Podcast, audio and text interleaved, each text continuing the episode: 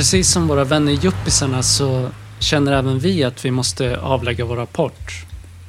Men i vårt fall en rapport från Rännstenen. Så det här är vår nya show, eller hur Jonathan? Precis. Eh, och då kan man ju fråga sig, vad är, eh, vad är Rapport från Rännstenen egentligen?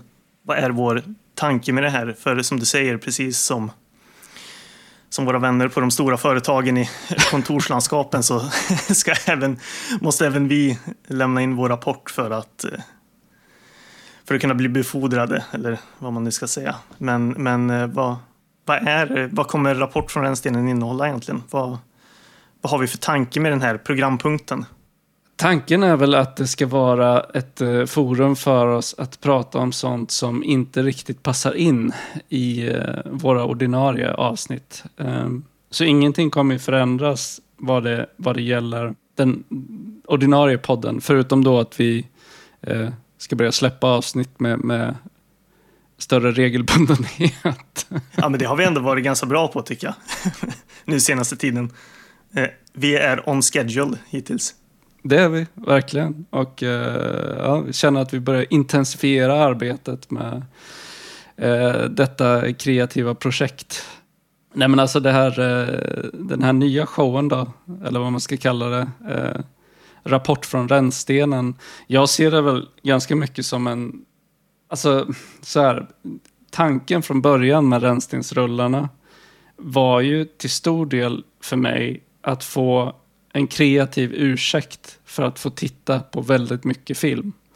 Eh, för att om jag känner att jag gör någonting kreativt av filmtittandet så har jag inte dåligt samvete för att jag spenderar så mycket tid på att se saker som inte alltid är särskilt eh, kvalitativa. Eh, och jag tänker på Rapport i rännstenen som en utökning av den här kreativa ursäkten. Eh, för att även få spela spel, titta på annan film eller tv-serier eller vad det än är. Eh, att få ägna mycket tid till det utan att känna att jag bara slösar bort mitt liv. det, det, eh, det, ja, men eh, precis. Det, så länge, man, så länge det kommer något kreativt eh, utifrån det man sysslar med så, så kan man spendera hur mycket tid som helst framför tvn eller vid datorn. Nu är inte jag den som, som på något sätt känner att eh, får dåligt samvete över att man som igår då sitter och ser på film typ sex timmar i sträck. men, men det är klart, det, det är väldigt kul. Jag, jag, håller med gällande just det här. Jag har tänkt lite samma sak. att eh, Alltså podden i stort kommer ju löpa på precis som vanligt. Det här är ju eh, framförallt ett sätt att både kunna prata om andra medieformer kan man väl säga. Då. Alltså, det kan vara att vi, vi vill liksom det, prata lite kort om någon film vi har sett eller om man spelar något spel man tycker är bra, om man har lyssnat på någon, någon bra musik. Men sen också att kunna utöka lite och hålla diskussioner kring podden i sig. Vi kanske kommer diskutera framtida teman och så vidare. Mm. Eh, det, det, är liksom ett... Det är ju ett sätt att bredda eh, poddens innehåll lite. Oftast så kommer vi ju eh, hålla oss lite till alltså, saker som tematiskt kanske är eh, lite länkade just där i vilken utsträckning de man kan säga att det vi ska prata om är rännstenigt, så att säga. Det, det kan ju vara lite mer eller lite mindre beroende på vad vi vill prata om. Men det är ju framförallt bara ett sätt för oss att eh, kunna bredda oss lite.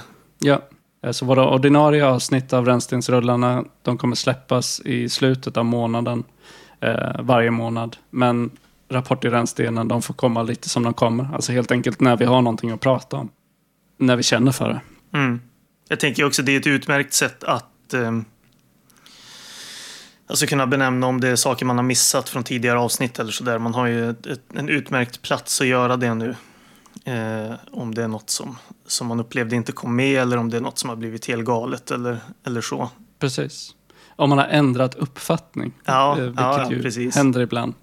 Eh, jag märker att jag ibland säger saker i podcasten som jag, eftersom det finns inspelat där så, så får jag ju stå för det på något sätt. Men jag har också en tendens att ändra åsikt ganska ofta kring Mm. vad jag tycker och tänker om saker. Så, så det kan vara skönt att ha eh, rapport från rännstenen eh, som en slags eh, en möjlighet att rätta sig själv i de fall där man i efterhand kommer på att någonting man har sagt var synnerligen korkat.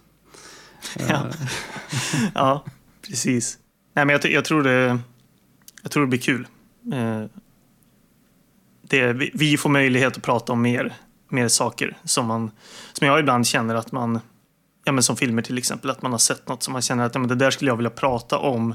Men att det antingen då kommer bli att man måste få in det i tema eller att eh, man måste skohorna in någonting på ett sätt som, som inte blir så bra bara för man har någonting man gärna vill prata om. Så då blir det här också en ganska bra yta att kunna göra det på. Ja, lite sladdrigare, mer eh, eh, oplanerade samtal. Lösare boliner. Om man tycker att de vanliga avsnitten är för sladdriga så, så kommer man Då inte ska, då ska få... man inte lyssna på Rapport från Rännstenen. Nej, precis. precis. kan stänga av redan nu. Man vet i alla fall om man ska hoppa över, så det är tur det. om ni vill ha struktur, eh, struktur och konkreta resonemang så Då ska man inte lyssna så mycket på oss överhuvudtaget. Nej, nej. Då kan man, kan man lyssna på något annat. ja, något annat. nej, men det kommer alltid vara avsnitten som handlar om bortglömd och förbisedd film som är eh, poddens kärna. Det kommer inte att förändras. Nej, precis. Till nästa avsnitt så ska vi prata om eh, två nya yuppie-thrillers. Vilka filmer är det vi ska prata om då, Jonathan? Det blir eh, Pacific Heights från 1990 och sen Bad Influence från samma år, också 1990. Så det är eh, yuppie-grytan kokade. Verkligen. Och eh, två filmer som jag ser mycket fram emot att prata om. Mm. Faktiskt. Det, var, det var två roliga och intressanta filmupplevelser. Så det ska bli kul att snacka om dem. Det finns, jag tror det finns mycket att prata om där. Det här är en genre som jag gärna dyker ner igen i framtiden. Vi behöver inte köra tredje avsnitt. Vi, vi har lite andra planer som vi kanske kommer in på nu då, senare idag. Men, eh, men eh, jag tycker om den här genren. Jag tycker det är... Det finns så mycket härligt Mm. eh, att titta på och ta del av här. Så, så vi har ju också lite andra filmer också som man kan välja på. Så vi får väl se om det blir mer yuppies i framtiden. Men i ett avsnitt till i alla fall kommer vi dyka in på det. Men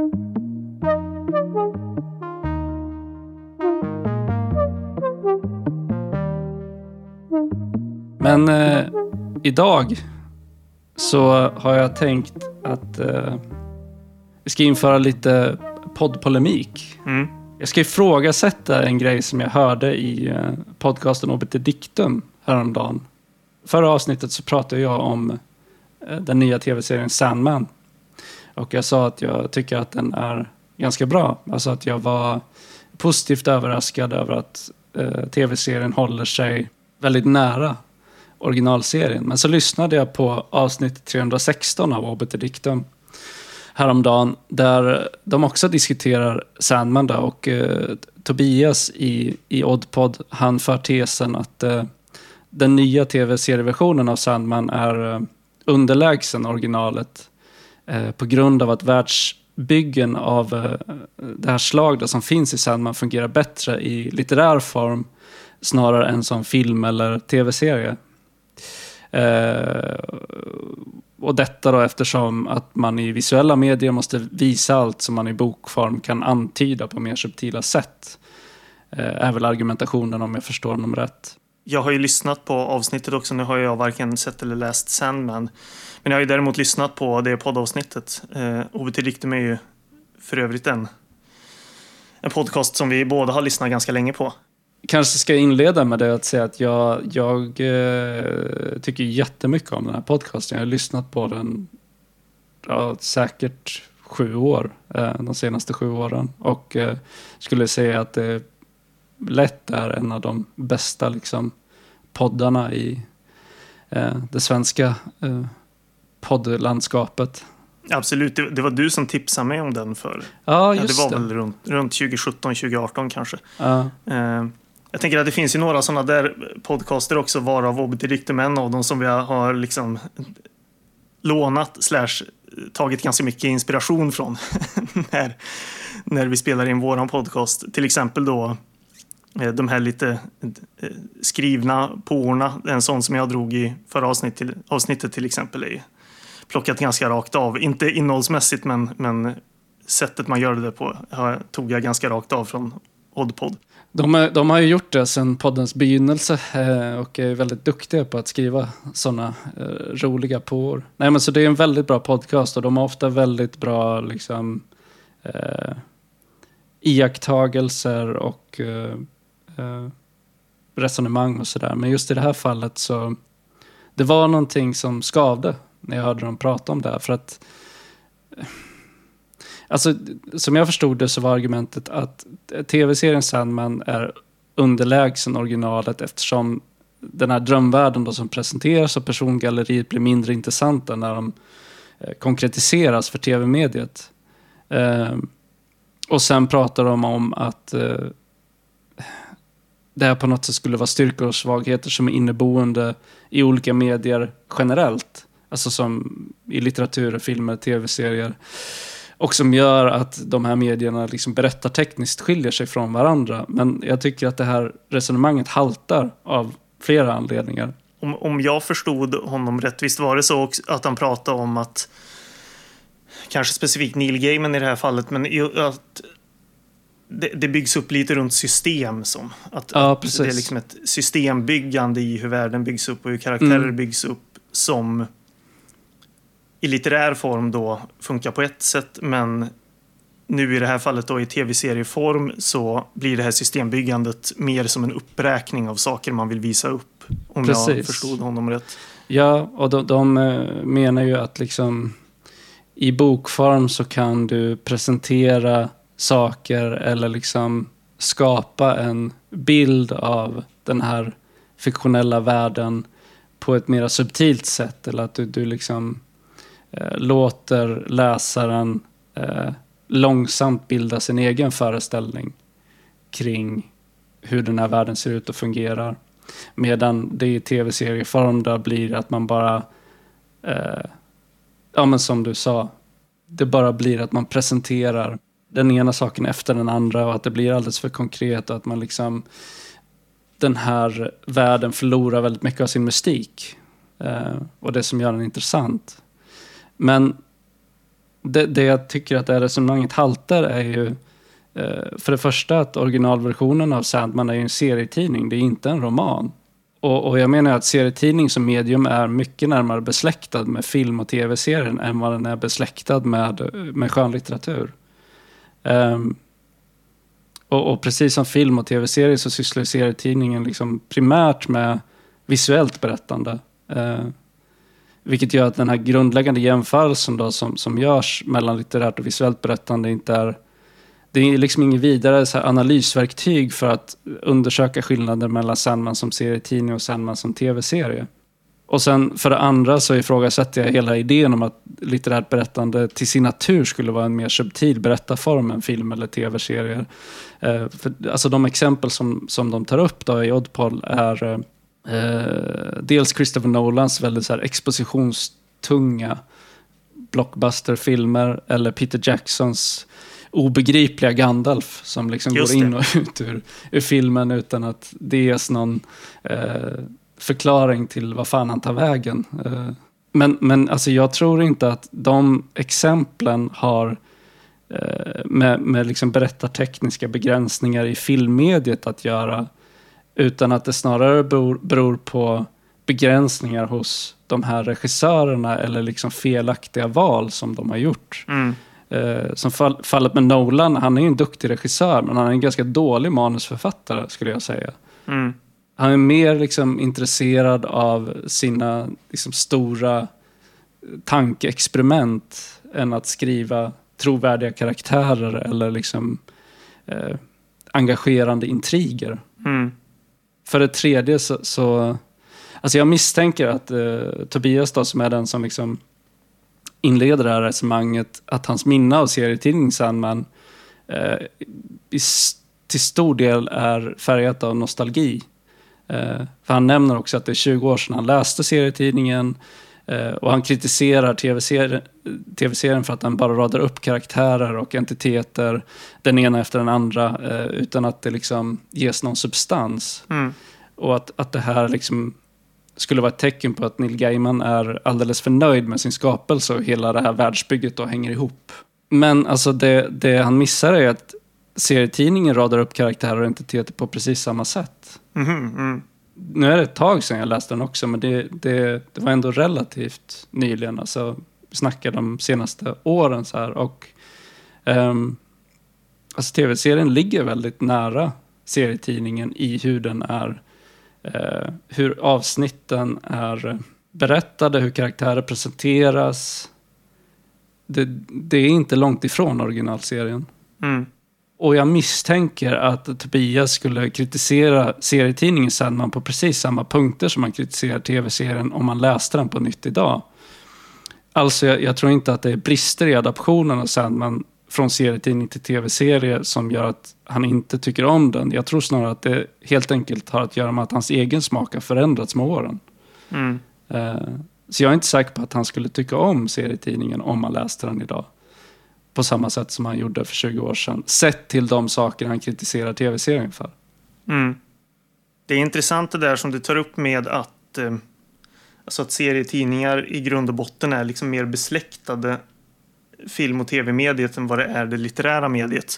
Nu eh, har inte jag sett enormt många serietidningsadaptioner, men jag minns ju i alla fall att det där är något som disku har diskuterats och diskuterades runt när eh, Watchmen-filmatiseringen kom.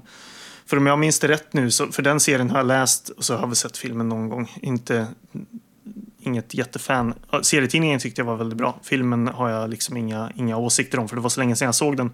Men jag minns det som att en grej med den var att eh, man mer eller mindre hade behandlat serietidningen som en storyboard. Att det var liksom ruta för ruta direkt mm. översatt och så att säga.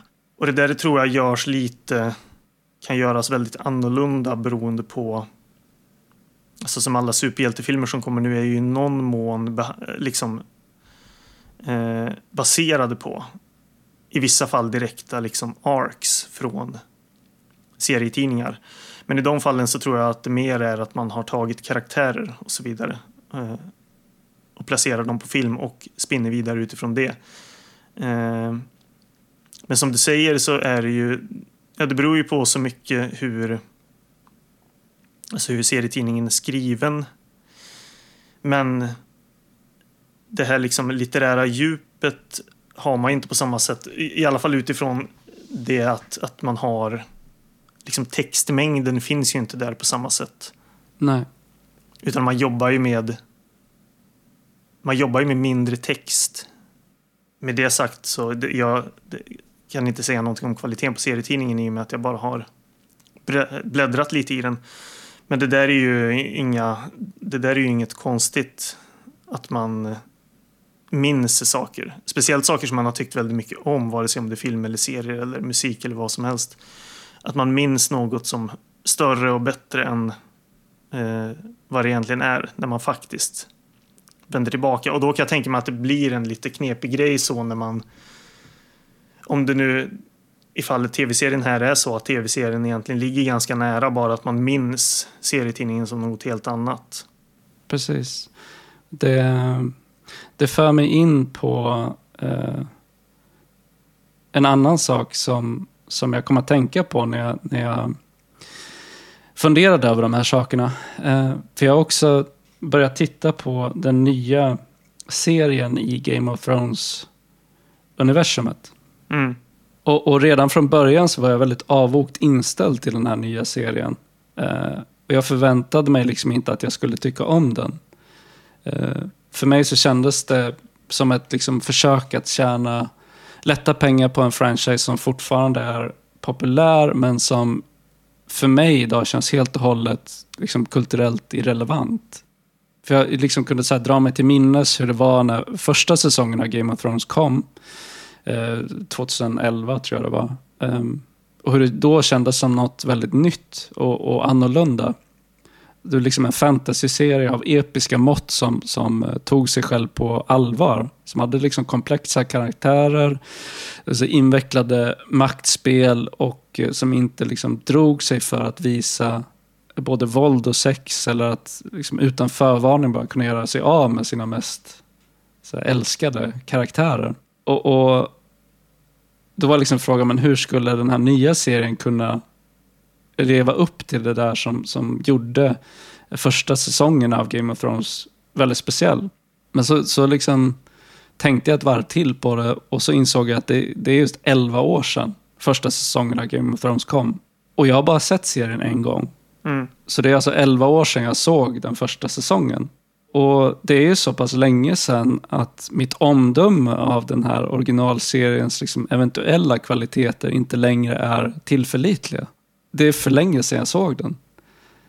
Så jag är 11 år äldre och eh, populärkulturen i stort har gått vidare. Så, så vem vet vad jag skulle tycka om originalserien om jag såg om den idag? Mm. Det, det, det är så färgat av eh, nostalgins skimmer att vad jag än säger i jämförelsen mellan originalserien och den här nya serien som precis har börjat gå då kommer inte att vara tillförlitligt om jag inte faktiskt går tillbaka och tittar på första säsongen igen för att se vad jag skulle tycka om den om jag såg den idag. Och när jag kom till den här insikten då så då kunde jag liksom plötsligt eh, slappna av i soffan och luta mig tillbaka och titta på den här nya ser serien med en mer opartisk blick. Mm. Eh, och det, jag har sett två episoder och alltså jag tycker att den är, den är helt okej. Mm. Men jag tycker att det är, det är intressant att tänka på vad i ens liksom, omdöme om saker går att lita på. När det är grejer som hände för så länge sedan. Eller som man såg eller upplevde för så länge sedan. Ja, ja, men absolut. Och det där, jag tycker det där är jätteintressant, för det där var vi ju inne på. Det var med i senaste avsnittet när vi, vi, vi vidrörde Mulholland Drive snabbt. Mm. Eh, I början på förra avsnittet. Och där pratar vi just om det att materialet är ju detsamma, filmen är ju detsamma, eller serien är ju detsamma, men det är ju färgat av allt annat runt. Eh, liksom som i det här fallet, och vad gjorde Game of Thrones speciellt, är det fortfarande speciellt i dagens medieklimat, eller vad man ska kalla det för. Och sen framförallt också utifrån vad man själv har sett sen dess och vad man uppskattar. Filmer och serier och allt däremellan förändras utifrån att man också själv förändras. Mm. Så det är ju ganska svårt. I, I vissa fall så kvarstår ju liksom. Alltså som i det här fallet Game of Thrones, som du säger, kom ju för 11 år sedan. Jag har inte sett en bildruta. Eh, men det är intressant det där att om man har sett något, tyckt väldigt mycket om det och sen liksom inte tagit del av det på väldigt länge och låtit sin smak och sina intressen förändras däremellan. Hur man reagerar på saker när man återvänder till dem senare ganska ofta ganska deprimerande också om, om man inser att det, att det har blivit mycket sämre. Men eh, ofta då kan man i alla fall se en storhet i att man en, en gång i tiden tyckte att någonting var väldigt bra. Ja, för allting liksom uppstår ju i en eh, kulturell kontext, men också en individuell kontext. Mm. Alltså, så du har ju den övergripande kulturen som alla tar del av. Eh, och sen har du din egen liksom, individuella kontext som också kommer påverka hur du upplever någonting just nu.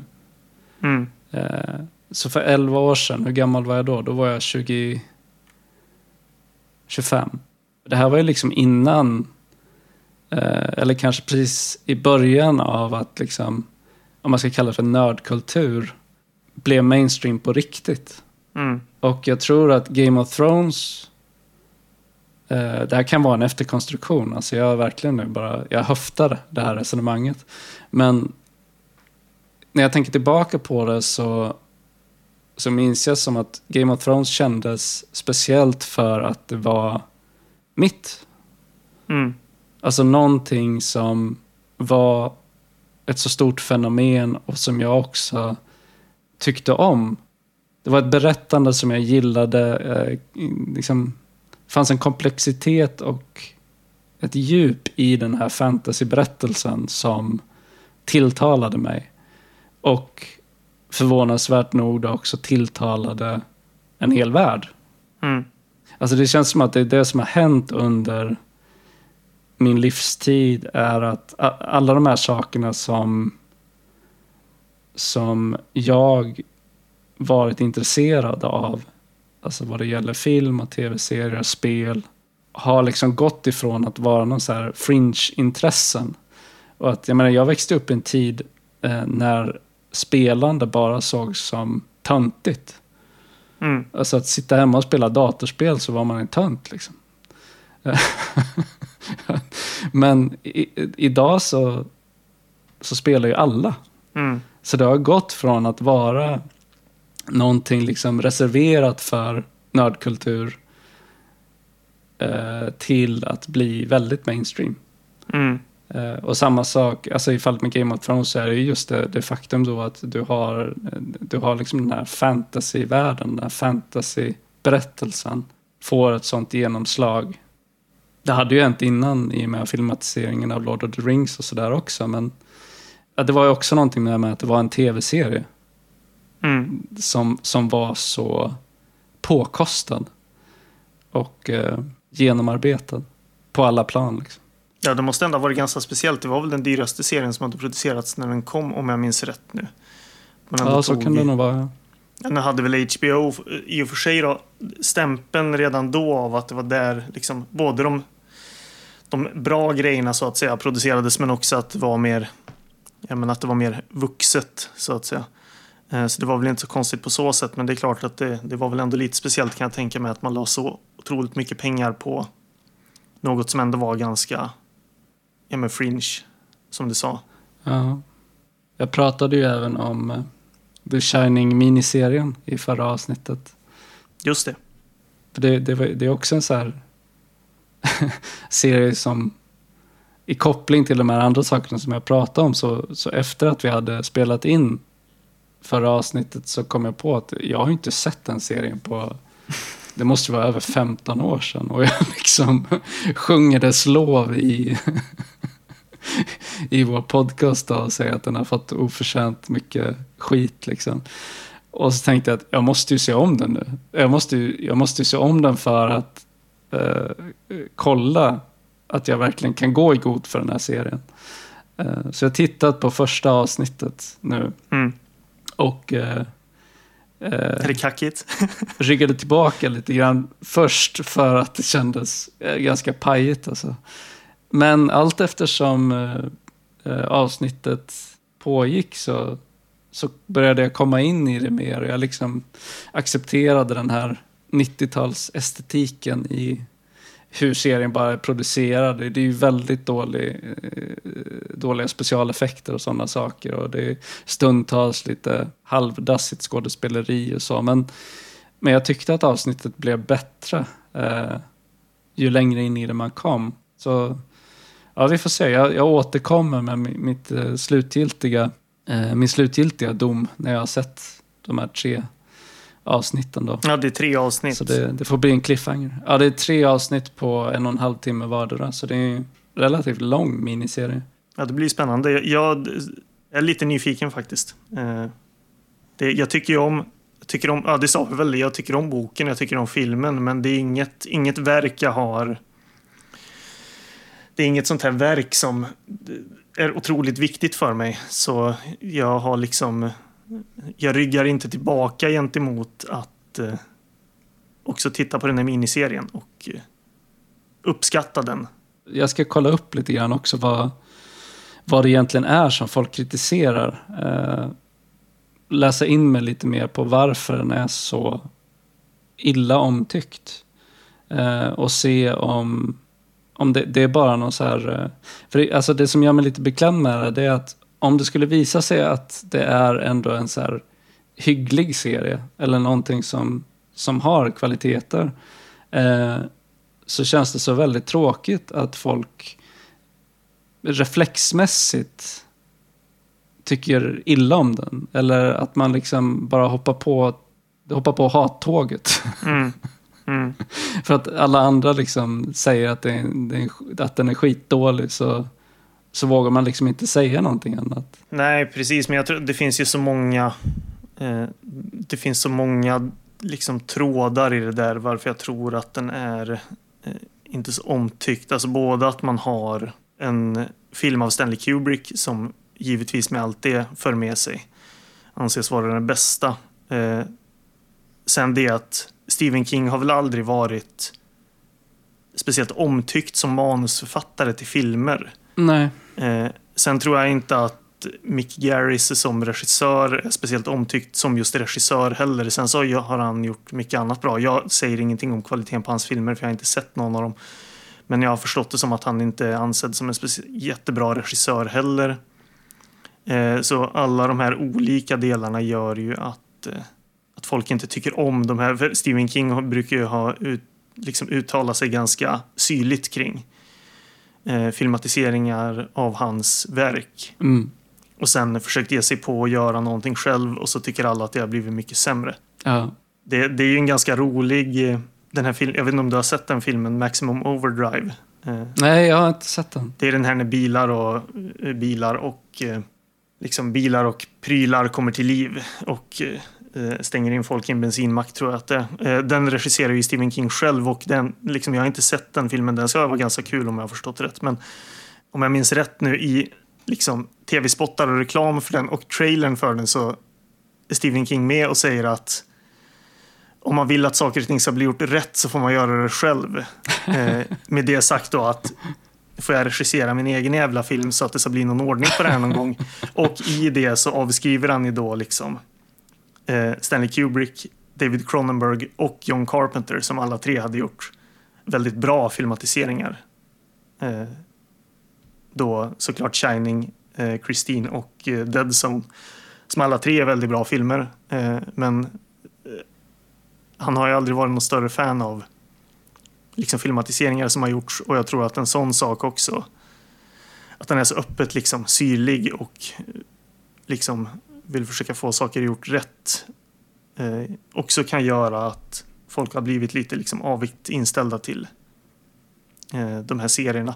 Men det känns ju som att speciellt de här liksom miniserierna som gjordes så skulle kunna få någon slags liten upprättelse. Eh, ja. I alla fall eh, sett till tidsmässigt när de kom och så, så borde det kunna vara så. Men sen så kräver det också att de faktiskt är bra också. Det vet jag inte.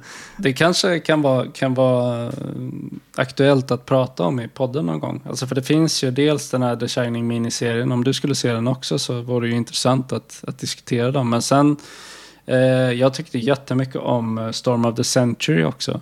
Eh, mm. Och där, där finns det ju ingen eh, bok som förlaga utan det var ju ett, ett rent liksom eh, tv-seriemanus från början, om jag minns rätt. Visst är det den när det kommer en eh, mystisk främling till en stad och så börjar det hända konstiga grejer? Ja, precis. Och det, det, ja, det, jo, men så är det. Och eh, det sker parallellt med att då den, den värsta stormen på ett sekel drar in över den här lilla... Jag tror att de befinner sig ute på en ö. Det, det kom en otroligt bra eh, koreansk skräckfilm för ett par år sedan som jag nu måste komma ihåg vad den hette. Som jag minns att, för du hade berättat för mig om Storm of the Century mm. eh, för massa år sedan. Och jag upplevde att ja, om de överhuvudtaget liksom har drag som stämmer överens förutom väldigt grundläggande story har jag ingen aning om. Men jag upplevde det som att den har liksom små storydrag som påminde om just det här. Eh, för den handlar också om att det, det liksom kommer en mystisk främling till en liten by och så börjar det ske dödsfall om jag minns rätt. Men nu måste jag ju kolla upp vad den heter. Är det The Wailing du tänker på eller? Jo, jo, precis. The Wailing. Den är bra. Väldigt bra film. Just det, ja, några år sedan, 2016. Ja, okej. Ja, det, eh, nej, men som sagt, jag vet inte om de hur mycket beröringspunkter de delar. Men jag minns att det var något jag tänkte på när jag såg den.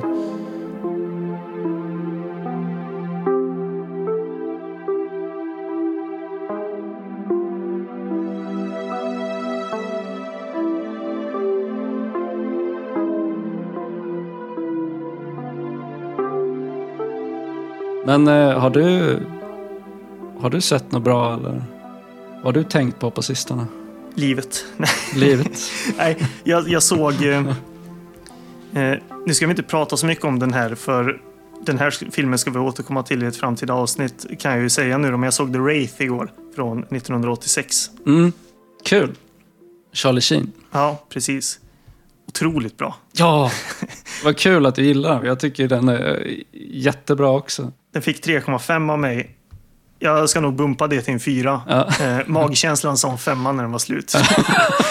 och, och eftertexterna rullar liksom. Eh, så det, det fanns väldigt mycket bra och kul saker att prata om i den. Så därför ska vi inte göra det nu. Men vi kan ju spika att vi i någon form ska prata om den filmen. Ja, det vore kul att snacka om den i, i liksom, eh, på temat eh, alltså mindre kända science fiction-filmer. Eller något sånt där. Jag tänkte på, man skulle ju kunna prata om The Hidden då också. Ja. Eh, den här med Kyle MacLachlan. Också bra film. Nej, men så den, den ska vi ju absolut återkomma till. Såg, har du sett den Point of No Return som är den amerikanska remaken på La Femme Nikita? Nej, det har jag inte gjort. ja, eh, av vän till podden John Badham som vi har pratat om. Ah, ja. Den ska vi inte prata om. Någon gång. Eller ja, det kan, det kan vi väl göra om vi... Eh, det, man kanske skulle köra något eh, mindre kända remake. Eh, något eh, mindre kända remakes avsnitt. Det här med Bridget Fonda i huvudrollen. Jag har inte sett La Femme Nikita men däremot så har jag nu sett den ganska kassa remaken. Som jag minns det så är La Femme Nikita väldigt bra. Ja. Annars så har jag inte sett så mycket spännande eh, på senaste tiden. Eh, jag har ju jag har lite mer tid att se på film nu så jag har, har sett ganska mycket film men inte så återigen, liksom det här är inte så jättemycket som har stått ut så pass att man känner att eh, det är något man verkligen vill prata om. Nej. Väldigt mycket helt okej. Eh, men inte så mycket mer än så. Har du sett något, något roligare än tre av fem? Ja, eh, jag har liksom upplevt flera, alltså både film och spel på, på temat eh, folklore. Eh, och det är inte som att jag aktivt har sökt efter det, utan det har bara blivit så. Jag såg en film på, jag tror att det var på Netflix häromdagen som hette eh, Moloch. Eller Moloch, jag tror man säger Moloch. Just det, den, den finns på cineasten också tror jag. Den hade jag tänkt att se någon gång. Den, den borde du se, den tror jag att du skulle tycka om. Eh, den var spännande och eh, handlar om en kvinna som... Eh, vad fan handlar den om? det blir så här när man har sett många filmer och man börjar blanda ihop dem. Liksom. Nej, men hon, hon eh, det, jag, undrar om, det, jag tror den utspelar sig i Holland. Eh, och eh, handlar om eh, som en kvinna som bor i någon så här liten, på någon liten ort någonstans i Holland. Och eh, hon eh, upplevde ett trauma som barn av att hon, hon liksom eh, befann sig i, i huset när hennes mormor blev mördad. Mm. Eh, som befann sig i källaren och hörde liksom tumult uppifrån och sen att hennes mormor blev mördad. Liksom. Och det här är ett o, ouppklarat mord. Sen i nutid då, så, så börjar det hända konstiga saker på den här orten. Alltså det, det dyker upp eh, konstiga främlingar utanför hennes mammas och pappas hus. Och eh, allt det här liksom eh, kopplar an till att eh, man på den här orten då berättar legenden om någon slags ont väsen som man har ingått någon form av pakt med. Det sammanfaller med att det är någon, eh, jag tror amerikansk snubbe där som är typ eh, arkeolog eller liknande. Och de håller på med några utgrävningar i träsken. Och där så stöter de på nästan till eh, mumifierade kroppar som, som alla har fått liksom halsen uppskurna på ett väldigt specifikt sätt. Och det här då har ju liksom ett samband med eh, den här gamla legenden och eh, det som eh, och eventuellt ett samband med vad som har hänt den här kvinnans mormor då. Misstänker att det vilar liksom en förbannelse över hennes familj. Mm. Sådär. Så den var, den var bra. Bra film. Om man gillar den typen av, av kuslig atmosfär och eh, sånt som liksom knyter an till gamla folklegender och sånt där. Jag är ganska svag för sånt. Eh, som typ eh, The Witch som kom för ett antal år sedan. Och, ja, men äldre exempel är ju The Wicker Man. Mm. Originalversionen, inte, inte Nicolas Cage-versionen. Även precis. om jag tycker att den är rolig också. Ja, ja. Bra på ett annat sätt. Ja. Ja. Men det, känns, det där har ju varit eh, en, en ganska tydlig trend de senaste åren med att det är väldigt många eh, både författare och liksom, eh, filmskapare som, som går tillbaka till gamla folklegender Mm. och baserar liksom sina berättelser på det. Mm. Det, det tycker jag om. Det, det är en bra, bra trend. Mer sånt. Ja, precis. Det går väl lite hand i hand med arthouse horror eller elevated horror-trenden. Mm. Det- Man söker sig till de här mer klassiska berättelserna för att göra liksom...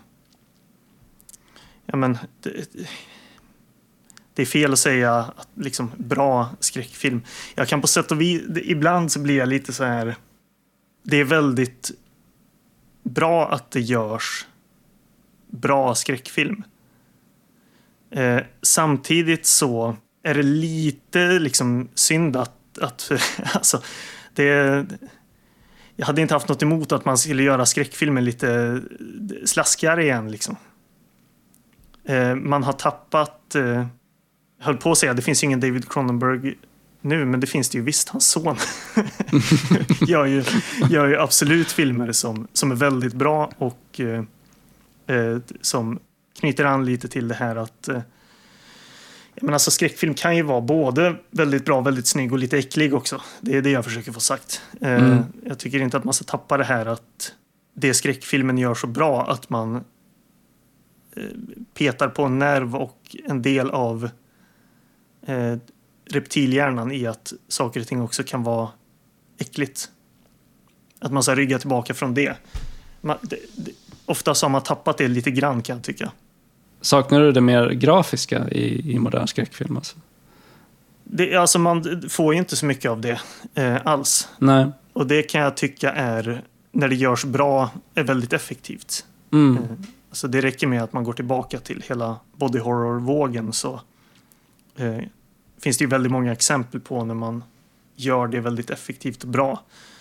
Bara om man vänder sig till Cronenberg till exempel. Eh, Mm. Det kan jag tycka att man skulle vilja ha lite mer av i, i den breda skräckfilmen. Det finns många entusiaster men den där typen av entusiastskräckfilm som kommer som ofta går typ direkt till, direkt till video är inte så kul ofta. Eh, mer högkvalitativ skräckfilm som inte ryggar för kladdet.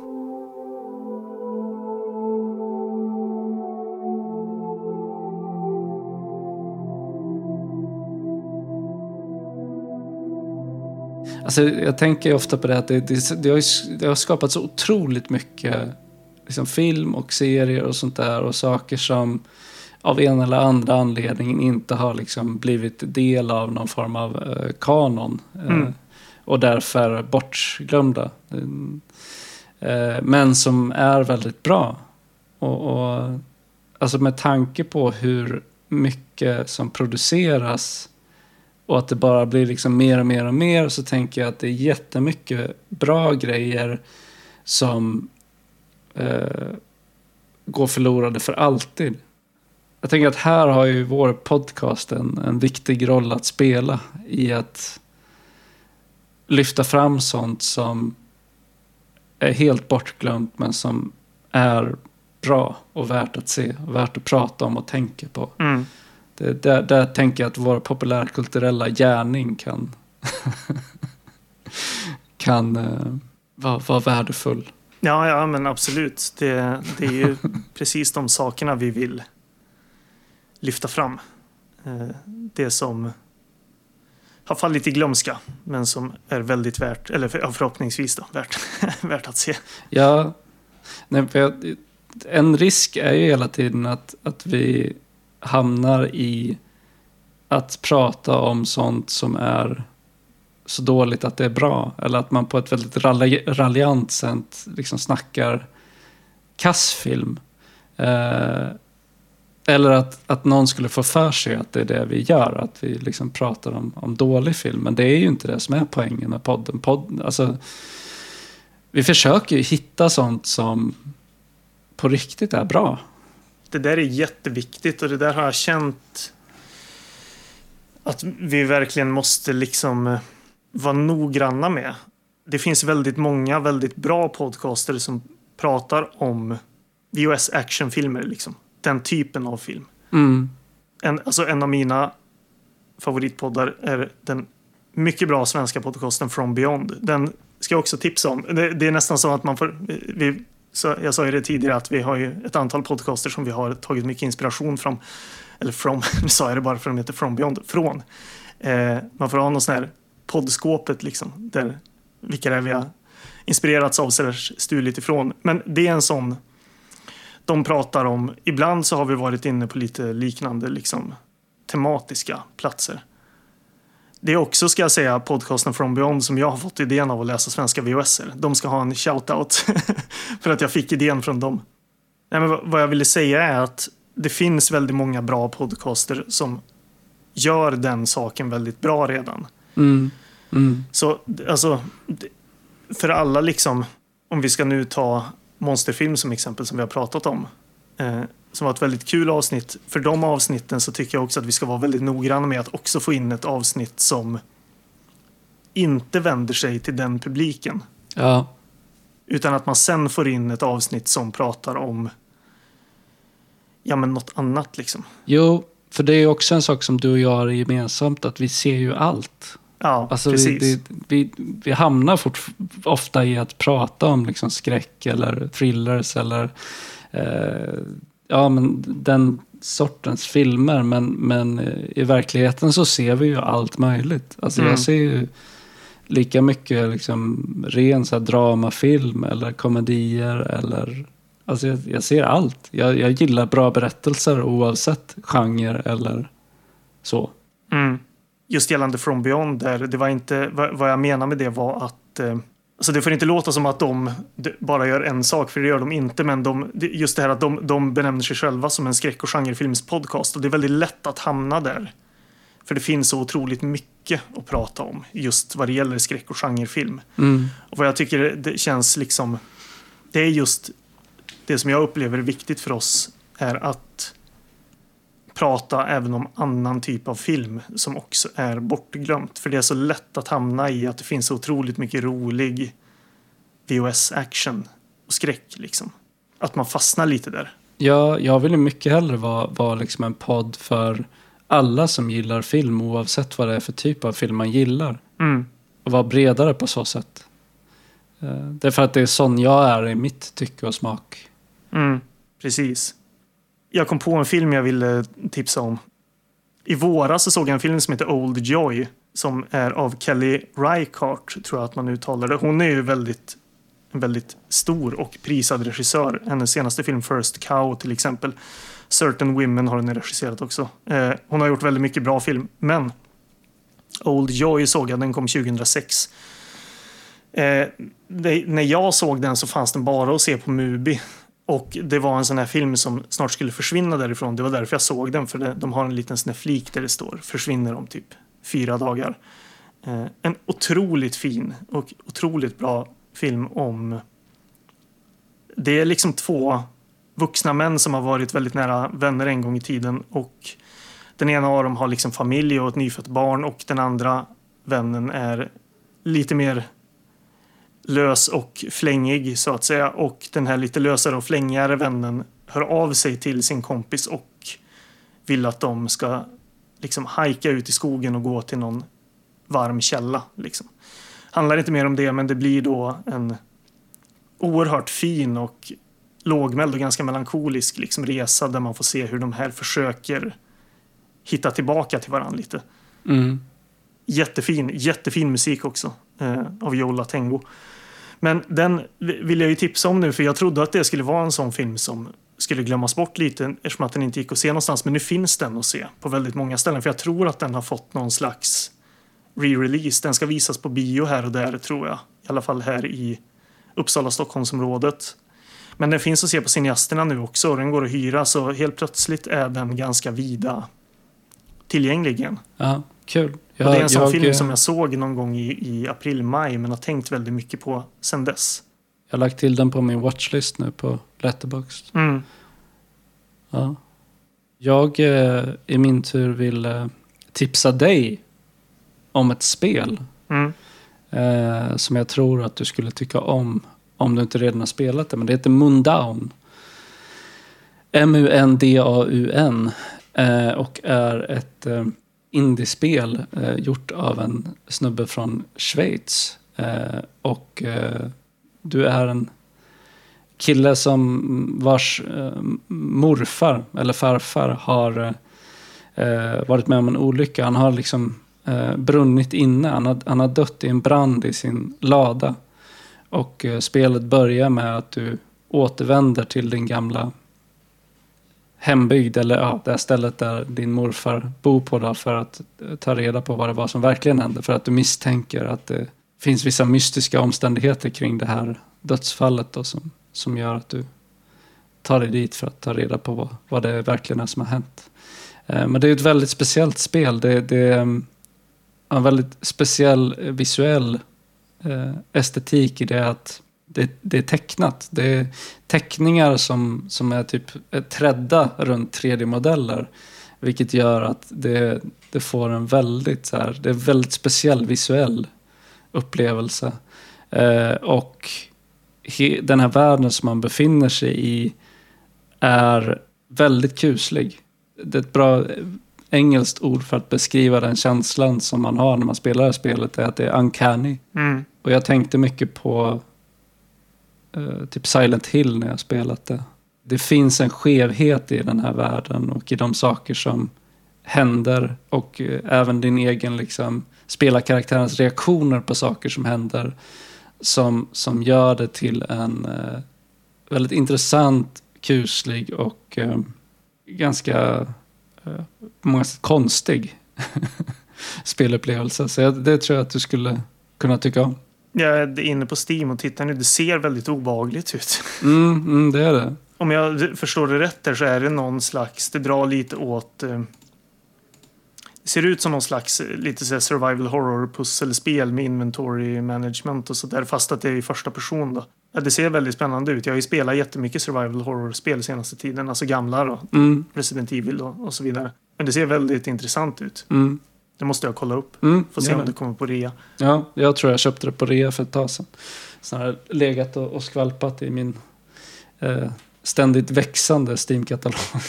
Ja, det där är ju ett stående problem att man har en miljon saker man vill spela och så spelar man samma sak i slutändan ändå. Vad spelar du nu? Eh, Det jag börjar spela Far Cry 5 igen. Jag okej. tycker det är jätteroligt.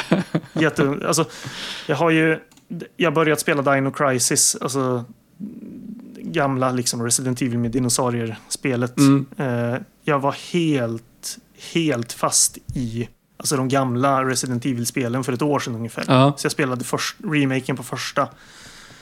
Eh, sen spelade jag remaken på andra, originalspelet, tvåan, original trean och Code Veronica. Och blev väldigt nedstämd över att jag insåg att nu har jag spelat alla de här gamla och det, det finns liksom inga fler. För sen kom Resident Evil 4 och ja, förändrade hur actionspel för alltid kom att se ut. Liksom. Ja. Jag saknar det här, eh, de gamla survival horror-spelen. mm, Så jag har sökt med ljus och lykta lite efter att kunna hitta något mer sånt. Jag har spelat lite Dino Crisis, men annars så är det liksom det är de gamla, man fastnar i gamla hjulspår. ja. Spela Far Cry. Jo, jag spelar ju oerhört mycket flygsimulator också. Ska Jaha, sägas. Därav den här joysticken som jag nu visar i bild. vad är det för flygsimulator du spelar? Ja, men det är Microsoft Flight Simulator som Okej. kom 2020. Det där, alltså det, där, är- det där har jag aldrig förstått tjusningen med. Vad är grejen med flygsimulatorer? Nej, men det, är- det är mysigt. Ja, okej. ja. Men vad, vad gör man? Alltså, Man, fly, man flyger flygplan. man, man, alltså det, jag tror att det är där som är, är lite grejen, att man gör inte så mycket. Nej. Utan nej. det, den stora grejen för mig är att man kan välja lite hur mycket, hur djupt man vill dyka i det. Mm. Eh, så jag började ju med att spela med handkontroll när jag köpte en joystick och nu är jag lite sugen på att köpa ett sånt här, liksom, en joke som det heter, alltså som ett sånt här styre som sitter i mindre flygplan och liksom diverse attiraljer. Men annars är det, det, det är så här, jag har insett det själv att det blir ganska, alltså grejen med det senaste Flight Simulator-spelet är ju att de med hjälp av liksom 3D-kartor har ritat upp hela världen. Så du på ett väldigt liksom realistiskt sätt liksom kan ploppa ner dig på vilken flygplats var som helst liksom, i hela världen. Ja. Men, och man har liksom alla de här möjligheterna men för mig slutar det ofta med att jag liksom kör så här. Att jag flyger liksom 10 på Arlanda. så 40 minuter. det är så här, världens minst inspirerande flygsträcka men jag tycker det är jättehärligt liksom. och liksom att man har ett litet flygplan, man startar på mark, får liksom starta upp, prata med, med mannen i radiotornet, taxar till, eh, till flygfältet, liksom kör till rätt ställe. Ska det, köra på 4000 meters höjd, flyger till Arlanda, anropar Tower, la, får en landningsbana man ska landa på, gör det, taxar till parkering och är klar. Liksom. Det, det är något väldigt, jag uppskattar otroligt mycket att ha de här. Liksom. Eh, jag har inte börjat köra, det finns ju de som kör liksom så fem timmars flygningar i Boeing-plan. Liksom. Gör det på riktigt. Mm. Men jag tycker det är otroligt inspirerande att på ganska enkla sätt välja på vilken liksom, nivå man vill lägga sig. Och känna att man hela tiden lär sig något nytt. Liksom. Ja. Hur lång tid tar en, en flygning då?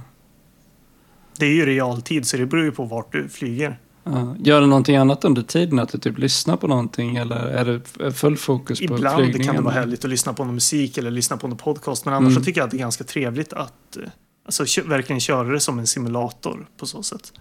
Alltså det finns ju ingen, jag spelar ju offline, man kan spela online, men jag spelar ju offline. Och det, det spelar ju ingen som helst roll om jag anropar flygplatsen för att jag ska landa eller inte. Men det finns något kul och inlevelsefullt i att göra alla de här, gå igenom alla de här stegen liksom. Mm. Man kan ha en liten anteckningsbok där man ska anteckna, ja men det är den radiofrekvensen som flygplatsen jag ska till. Mm. Det är det som är tornets radiofrekvens. Så när jag närmar mig dem så kan jag anropa den frekvensen. Jag vet liksom i vilken bäring på kompassen jag ska flyga med. Eh, nu är jag typ 10 miles därifrån, då anropar jag flygplatsen jag får, en landningsbana jag ska landa på och så vidare.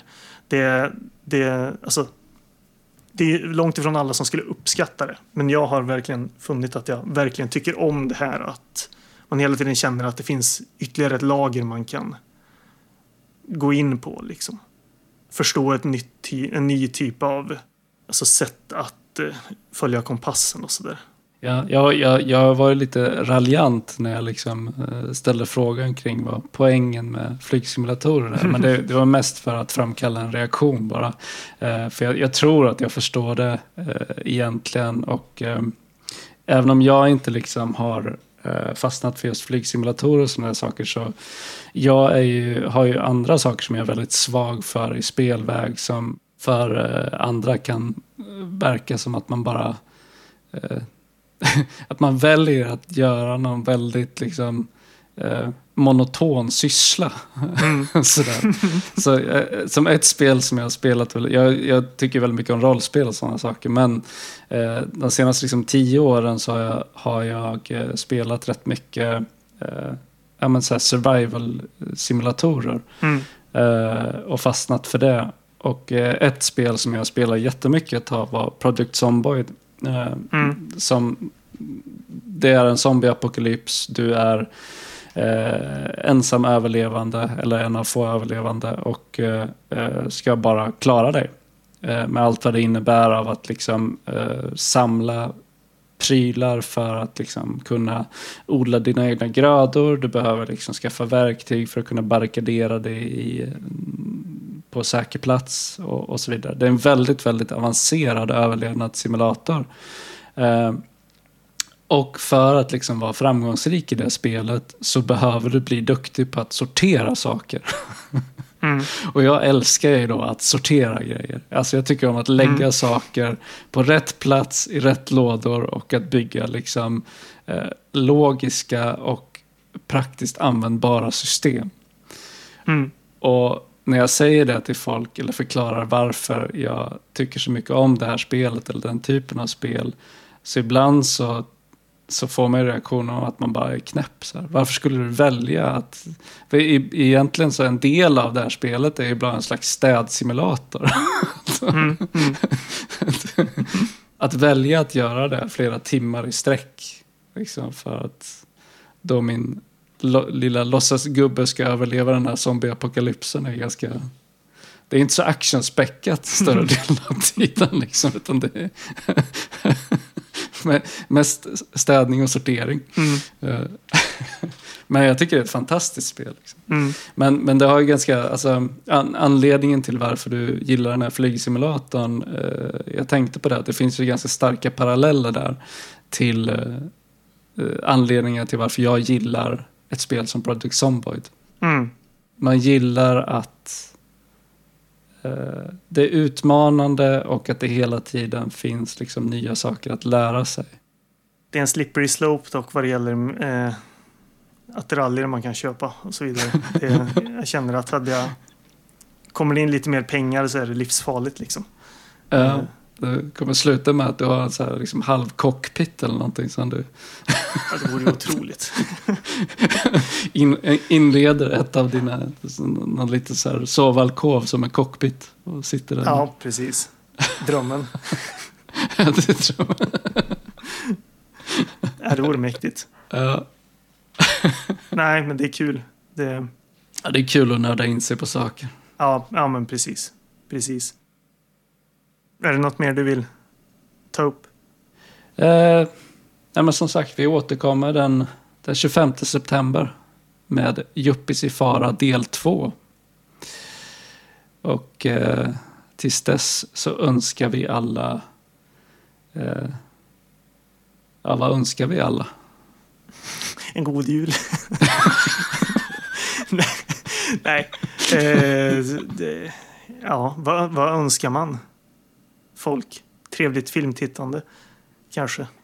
Se mer film. Se mer film. Av alla de slag. Ja, precis. Och tipsa oss gärna om uh, ni ser någonting som är särdeles bra och även okänt eller bortglömt. Det får man mm. gärna göra. Precis. Tack för idag då. Vi hörs. Yes. Tack för idag.